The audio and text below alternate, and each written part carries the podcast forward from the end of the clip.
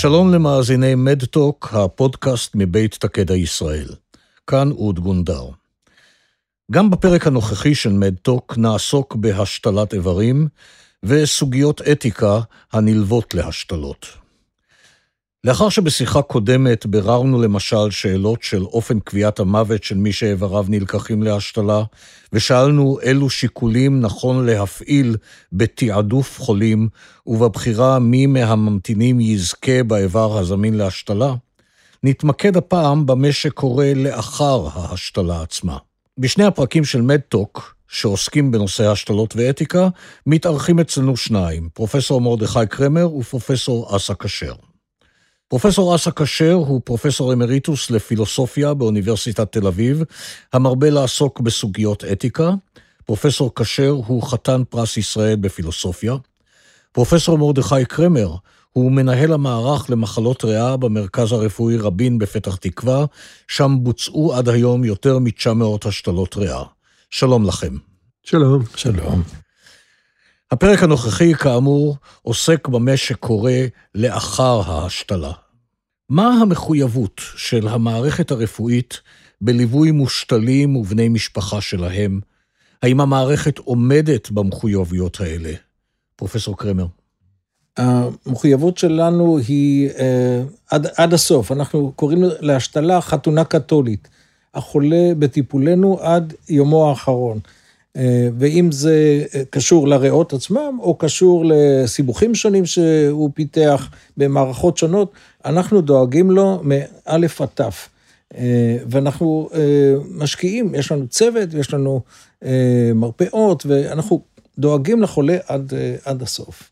מה קורה בתחומים הרכים יותר? כלומר, לא ממש רפואה, אלא לארגן את החיים שמסביב. אז גם כאן אנחנו בוחנים את זה לפני ההשתלה, האם יש לו תמיכה סוציאלית מספקת, האם יש בני משפחה.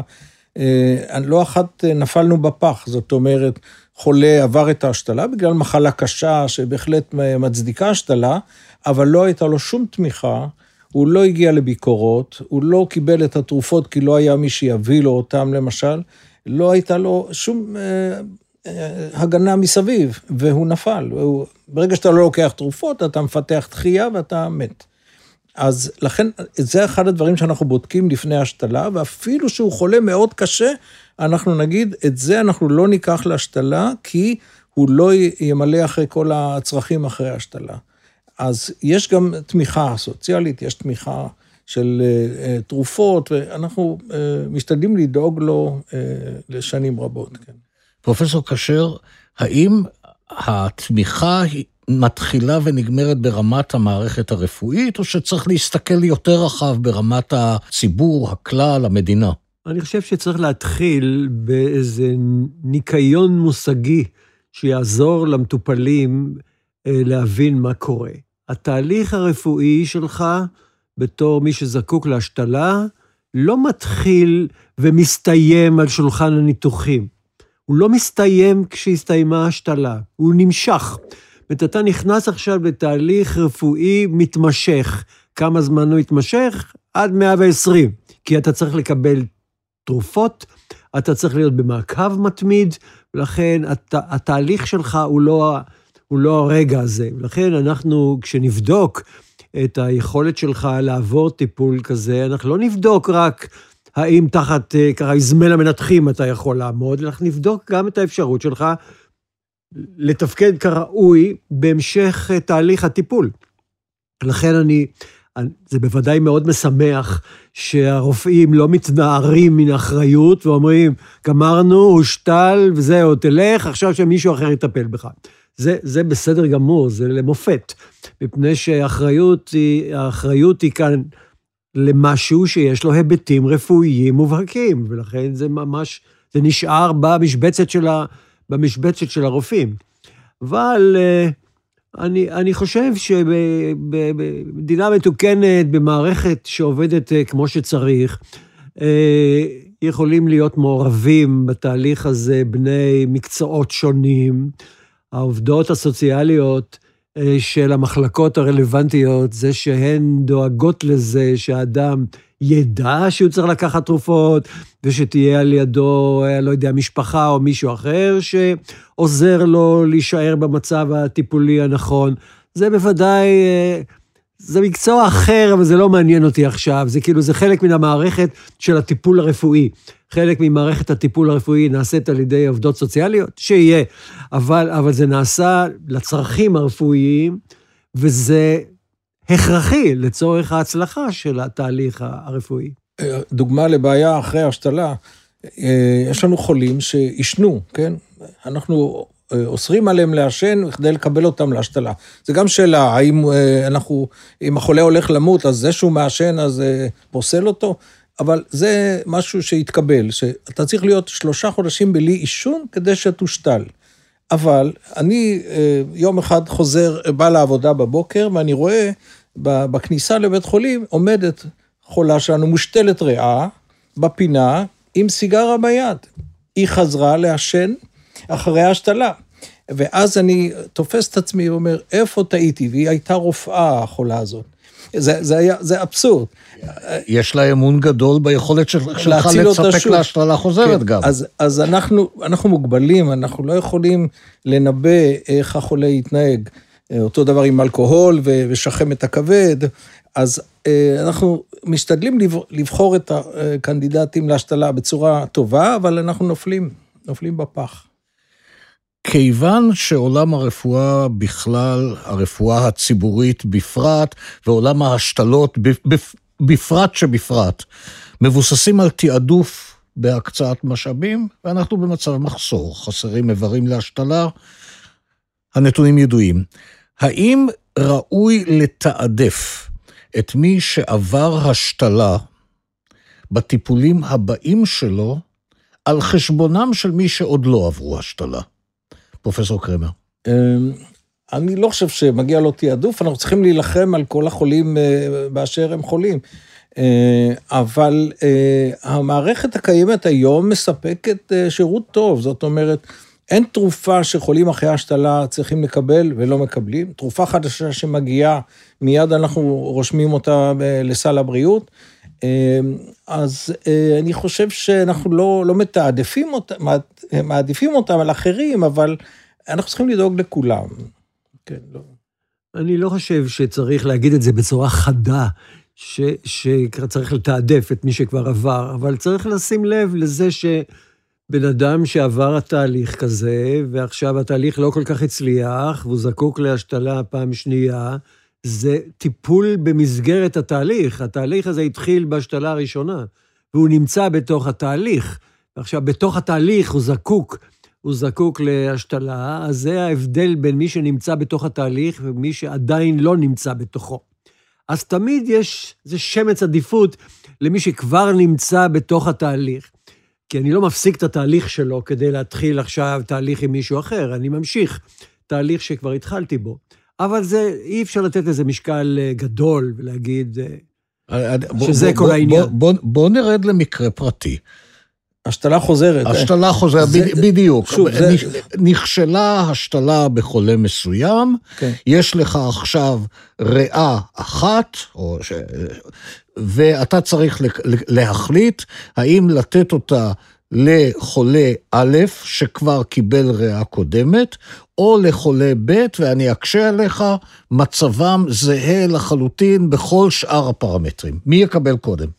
אז אה, זו בעיה שאנחנו נתקלים בה אה, לא אחת. ואני כרופא מטפל, מאוד קשה לי, כי אני קשור עם החולה שעבר את ההשתלה, הוא בא אליי לביקורת, אני רואה אותו יום-יום, אני מאוד רוצה לעזור לו. מצד שני, אנחנו יודעים שהתוצאות של השתלה חוזרת הן פחות טובות מאשר השתלה פעם ראשונה. ואנחנו בדקנו את התוצאות שלנו, גם כמו בכל העולם, והן פחות טובות. אבל יש מקרים נבחרים שמצליחים בפעם השנייה. אבל בניקוד, ב-Lung Allocation Score, ניקוד שנותנים למועמדים להשתלה, שזה מכיל הרבה פרמטרים אובייקטיביים, ההבחנה שלהם ורמת החמצן וכדומה. אז אמרת שהם זהים, שני החולים הם זהים, אבל ההבחנה שלו של retransplantation מראש נותנת לו ניקוד יותר נמוך, בגלל שהסיכויים שלו לשרוד הם יותר קטנים. אז לכן, אלה שזקוקים להשתלה חוזרת, הם נמצאים יותר נמוך ברשימה. אבל אם מגיע התורם והוא כבר התקדם ברשימה, אז הוא יקבל. אה, ואנחנו נשמח מאוד לתת לו פעם שנייה. אה, אתה יכול להגיד, אבל יש חולים שלא קיבלו את ההזדמנות הראשונה שלהם, זה, זה באמת נכון, אבל אם המצב הרפואי שלו, הוא מגיע לניקוד גבוה, אז הוא יקבל כאילו זו השתלה ראשונה. פרופסור כשר? אני, אני, יש פה משהו מגרה באופן פילוסופי. אה, בסדר, יש סקאלה, יש אה, גורמים אה, רפואיים אובייקטיביים, יש לנו מספר שאנחנו יכולים לחשב, אבל אני מרגיש שאסור לנו, למרות שאני בעד, אין לי שום בעיה עם מדדים כמותיים ועם התחשבות בהם, הכל, הכל בסדר. להפך, יש יתרון למדדים כמותיים על פני תחושות איכותיות. אבל יחד עם זה, אסור להיות שבוי של הנוסחה. אסור להיות שבוי בה. כאילו, הנוסחה באה לעזור לי לקבל החלטות, היא לא באה להיות האלגוריתם שלי, ש, שמקבל בשבילי את, ה, את ההחלטות. לכן, במצב של השתלה ראשונה שלא הצליחה, ואין ברירה אלא לעשות השתלה נוספת, והאחוז של ההצלחה שלה הוא נמוך באופן משמעותי, ואת הנוסחה תגיד לי פחות, אבל לא רק פחות, אלא באופן חמור פחות, אז אני חייב להתחשב בזה שזה באופן חמור פחות. ואז אתה נכנס כאילו, חוזר לתור הראשון שבו היית, עם סיכויים יותר נמוכים, ולכן אין לך עדיפות בקבלת שתל שני. אז זה, זה מה שאנחנו עושים בפועל. אם אה, נגיד עשינו את ההשתלה, ובשבועיים הראשונים החולה מידרדר, והחולה עוד מונשם, מורדם, אנחנו לא משתילים אותו פעם שנייה, כי הסיכויים שלו ממש אפסיים. אבל אם הוא נגיד חי חמש, עשר שנים אחרי ההשתלה, וחזר לחיים רגילים, ופיתח דחייה כרונית, אנחנו קוראים לה, אז אנחנו מכניסים אותו לרשימה כחולה חדש. אבל הוא מקבל אה, עדיפות קצת פחותה, אבל יש, אנחנו עשינו כבר אה, כמה עשרות של השתלות חוזרות, כי אנחנו רוצים להציל את החולים האלה. ביום שאחרי ההשתלה, האם נכון, האם מותר, האם ראוי לתת לבני משפחה זכויות מיוחדות? אנחנו רוצים לגרות את הציבור לתרום איברים, לעודד אותו. לכן, בן משפחה של אה, אדם ש... תרם, אנחנו נותנים לו ניקוד, אבל מי שכבר קיבל, הוא כמו כל אחד אחר. אה, לא, ניתן, לא ניתן לו אה, בונוס על זה שהקרוב שלו הושתל, זה... אבל כמו כל חולה, אנחנו נותנים לו, החברה נותנת לו אה, את התנאים שחסרים לו. איך אתם מתייחסים אה, לתרומה מותנית? אני אתרום עם, למישהו שלישי, עם צד רביעי יתרום לקרוב שלי. אה, אוקיי, זה, זה נעשה בהשתלות כליה, כשעושים אה, סבב, זה דבר לגיטימי, זאת אומרת, אתה נותן כליה, ובן משפחה שלך אה, מקבל כליה ממישהו אה, אחר, זה, זה דבר לגיטימי. אה, אני, אני מאוד אה, בעד זה, אה, אבל אה, אה, יש... אה, אה, אני לא חושב שצריך לתעדף אנשים שקיבלו אה, איבר, זה, זה הם אה, כמו כולם. אני חוזר לעיקרון הבסיסי שיש לנו. אה, חובה, אני חושב, לציית לו, וזה, השיקולים צריכים להיות רפואיים. אני עכשיו הולך לבצע איזו פעולה רפואית, והשיקולים שלי, שמצדיקים את הפעולה הזאת, צריכים להיות שיקולים מן העולם הרפואי. של האפשרות, הסיכויים, המדדים האובייקטיביים שפרופסור קרמר הזכיר, זה, זה עולמי עכשיו. ועכשיו ברקע יש קולות רמים מאוד של אי-אמון בתואר השיקולים שלי.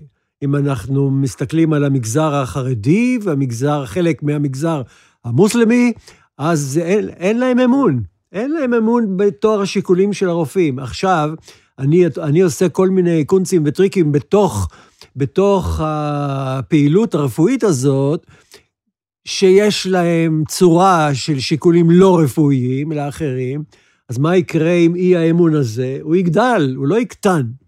ו- ויכול להיות שזה ידביק קבוצות שהן לא בדיוק בליבת, ה- בליבת המגזר הזה, אבל בשוליים שלו. זאת אומרת, זה ממש מסוכן מאוד לעשות את כל הדברים האלה. יש לי מטופל, ואני צריך אה, לטפל בו. אם יש עוד קרוב משפחה שלו שהוא מטופל, אז הוא מטופל. אבל אלה שני מטופלים שונים, והזיקה המשפחתית היא לא, לא, היא, היא ממש, היא לא רלוונטית, אלא אם כן, אם הם אחים תאומים, או, או משהו כזה שצריך להסתכל על, צריך להסתכל עליהם. אני חושב שכל ה... נקרא לזה מניפולציות, כל מיני מניפולציות שאנחנו אנחנו חברה מניפולטיבית. זה לא עניין אה, של הרפואה, זה בכלל אנחנו, יש לנו איזה אי נוחות בגלל איזה חוק יסוד, אז יאללה, בוא נשנה חוק יסוד. אה, בארצות הברית אה, שינו את החוקה האמריקאית פחות פעמים ממה שאנחנו שינינו את חוקי היסוד שלנו, למרות שהם מאות שנים ואנחנו עשרות. אז המניפולטיביות הזאת, צריך, היא, היא עוזרת לטווח קצר כאילו, כביכול, אבל היא יוצרת איומים וסכנות ובעיות קשות מנשוא בטווחים ארוכים. אחת הבעיות בתרומת איברים זה שמגזר אחד אומר, אני מוכן לתרום את האיברים של הקרוב שלי, בתנאי שהם לא ילכו למישהו אחר, נגיד למוסלמי, לחרדי, אז אה, אנחנו לא לוקחים מה, מהתורם הזה שום דבר. אנחנו לא מוכנים לשמוע הגבלה על התרומה. אה, אותו דבר מן החי, היום זה מאוד התקבל, נושא של תרומת כליה מן החי. אה, אנשים אלטרואיסטים תורמים את כלייתם, אה, והם היו רוצים לכוון את זה למגזר שלהם, או לאנשים שקרובים אליהם, אבל זה לא מקובל. אנחנו לא... אם אתה רוצה לתרום תרומה אלטרואיסטית, תן אותה. האיבר ילך למי שהראשון בתור, לא למי שאתה רוצה. אז פה יש הגבלה, הגבלה חשובה. אני חושב שתרומת איברים היא בלי ספק, ביסודו של דבר, מעשה אלטרואיסטי. אנחנו כולנו מתייחסים לזה כך, לכן גם אנחנו רוצים לעודד אותו. אבל אני אשאל אותך בתור רופא שאלה אחרת. אנחנו יודעים שיש מדינות שבהן תרומת איברים לא נעשית בתהליך אלטרואיסטי, מקומות שבהם אתה קונה כליה. או קונה איבר. עכשיו, אני אשאל אותך את השאלה הבאה. דופק על דלתך אדם שאומר, אני קניתי את, חל, את חלקי החילוף שהייתי צריך, אני צריך עכשיו המשך טיפול, ואני מבקש לקבל אותו ממך. איך אתה מתייחס לזה? אז תראה, לעניין של הסחר באיברים, אני מתנגד בצורה מוחלטת. אבל חולה שמגיע אליי, אני חייב לטפל בו. טיפלתי בטרוריסטים פלסטינאים אה, כמו כל חולה, כי אני חייב, אה, הרופא, לטפל בכל אדם אשר הוא אדם. אה, כמובן שאני הייתי מסתייג, אם היה שואל אותי מראש, ללכת לקנות כליה או מה, הייתי אומר לו, בשום פנים ואופן לא. אבל זה כבר נעשה, אם הוא כרגע חולה, אני חייב לעזור לו. אני, אני מזדהה עם זה מאוד, כמובן, עם, עם הרעיונות האלה. הרופא עוסק אה, בטיפול במטופלים, כלומר, בבני אדם שיש להם בעיה רפואית, נקודה, זה מה שמעניין אותו. זה בן אדם ויש לו בעיה רפואית. לאיזה, לאיזה עם הוא שייך, לאיזה דת הוא שייך, אה, לאיזה מין הוא שייך, זה לא נוגע לו בכלל, כי אין לזה שום חשיבות רפואית. לכן הטיפול, נקרא לזה, הטיפול הטוטלי, המקיף, בלי אה, אפליות מאיזשהם סוגים, זה אי אפשר להפריז בשבחי המוסריות של הגישה הזאת. זה, זה נכון. Uh, עכשיו, כשאתה יודע שמישהו מוכן לבצע איזה שהם מעשים שהדעת לא סובלת, שהם לא מוסריים, הם לא חוקיים, הם, הם uh, על חשבון מישהו אחר, בוודאי שזה נכנס לתוך מפת השיקולים שלך, אם אתה מוכן ל... להשתתף בתהליך הזה. אם אני יודע שהוא ילך וירצח מישהו כדי שיקבלו את, את איבריו, אז אני אהיה שותף לתהליך כזה? ברור שאני לא אהיה שותף לתהליך כזה. אה, לכן זה מעניין אותי מאיפה, מאיפה בא האיבר הזה להשתלה. אבל אה, אני חושב שהמדינות, המדינות אמורות, אה, זה משהו ברמת המדינות, הסחר באיברים, והמדינות צריכות לגרום לזה ש, שלא יהיו מעשים שלא ייעשו. הרי יש לנו הסיפור הסיני, איך, איך מקבלים איברים בסין, ואיך, אה, אני לא יודע את העובדות בצורה בדוקה, אבל אה, לפי הסיפורים, כאילו גוזרים גזר דין מוות על מישהו כדי, שיהיה, כדי שאפשר יהיה להרוג אותו ולקבל את איבריו להשתלה, ואני אהיה שותף לזה, זה ודאי לא, לא בא בחשבון בשום צורה. רק אה, דוגמה מן החיים, בזמנו סאיב עריקאת היה זקוק להשתלת ריאה. ואנחנו לא יכולים להשתיל אותו בארץ, מכיוון שקודם משתילים את הישראלים, ואחר כך אנשים זרים, ואם הוא היה מחכה בתור, הוא לא היה מגיע לזה. אז אה, אני עזרתי לו לנסוע לארה"ב, לקבל השתלה, והוא חזר, והיה בטיפולי במשך אה, שנים אה, רבות, עד שהוא נפטר, לצערי, מקורונה. אבל אני קיבלתי ביקורת מכל אותם מגזרים או מפלגות, שאיך אתה מטפל בו, שהוא אויב שלנו, אבל לא היה לי שום בעיה לטפל בו. הוא קרא לי מוטי, אני קראתי לו סייב, היינו לצורך הטיפול הרפואי חברים. אה, לא חשבתי על מה הוא מייצג ומה אני מייצג, אלא מה הבעיה הרפואית שלו ואיך אפשר לעזור לו. אפשר להדגים את זה גם מן ההקשרים של האתיקה הרפואית בשדה הקרב. אה, הקרב הסתיים. עכשיו, כאילו כבר אין יריות, כבר לא יורים, אבל בשטח הקרב מונחים אה, אנשים שהם פצועים וזקוקים לטיפול רפואי, והם אנשים משני סוגים, מן הצד שלנו ומן הצד שירה עלינו. אבל זה לא משנה בכלל שזה הצד שירה עלינו, כאילו, אני אטפל בו, הוא פצוע.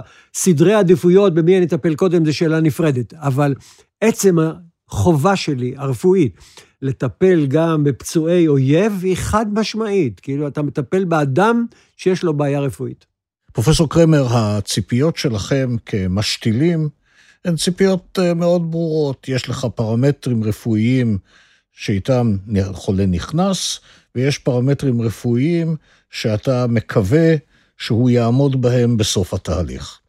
אבל יש עולם שלם שמקיף את הדברים, וזה העולם של הציפיות של החולה.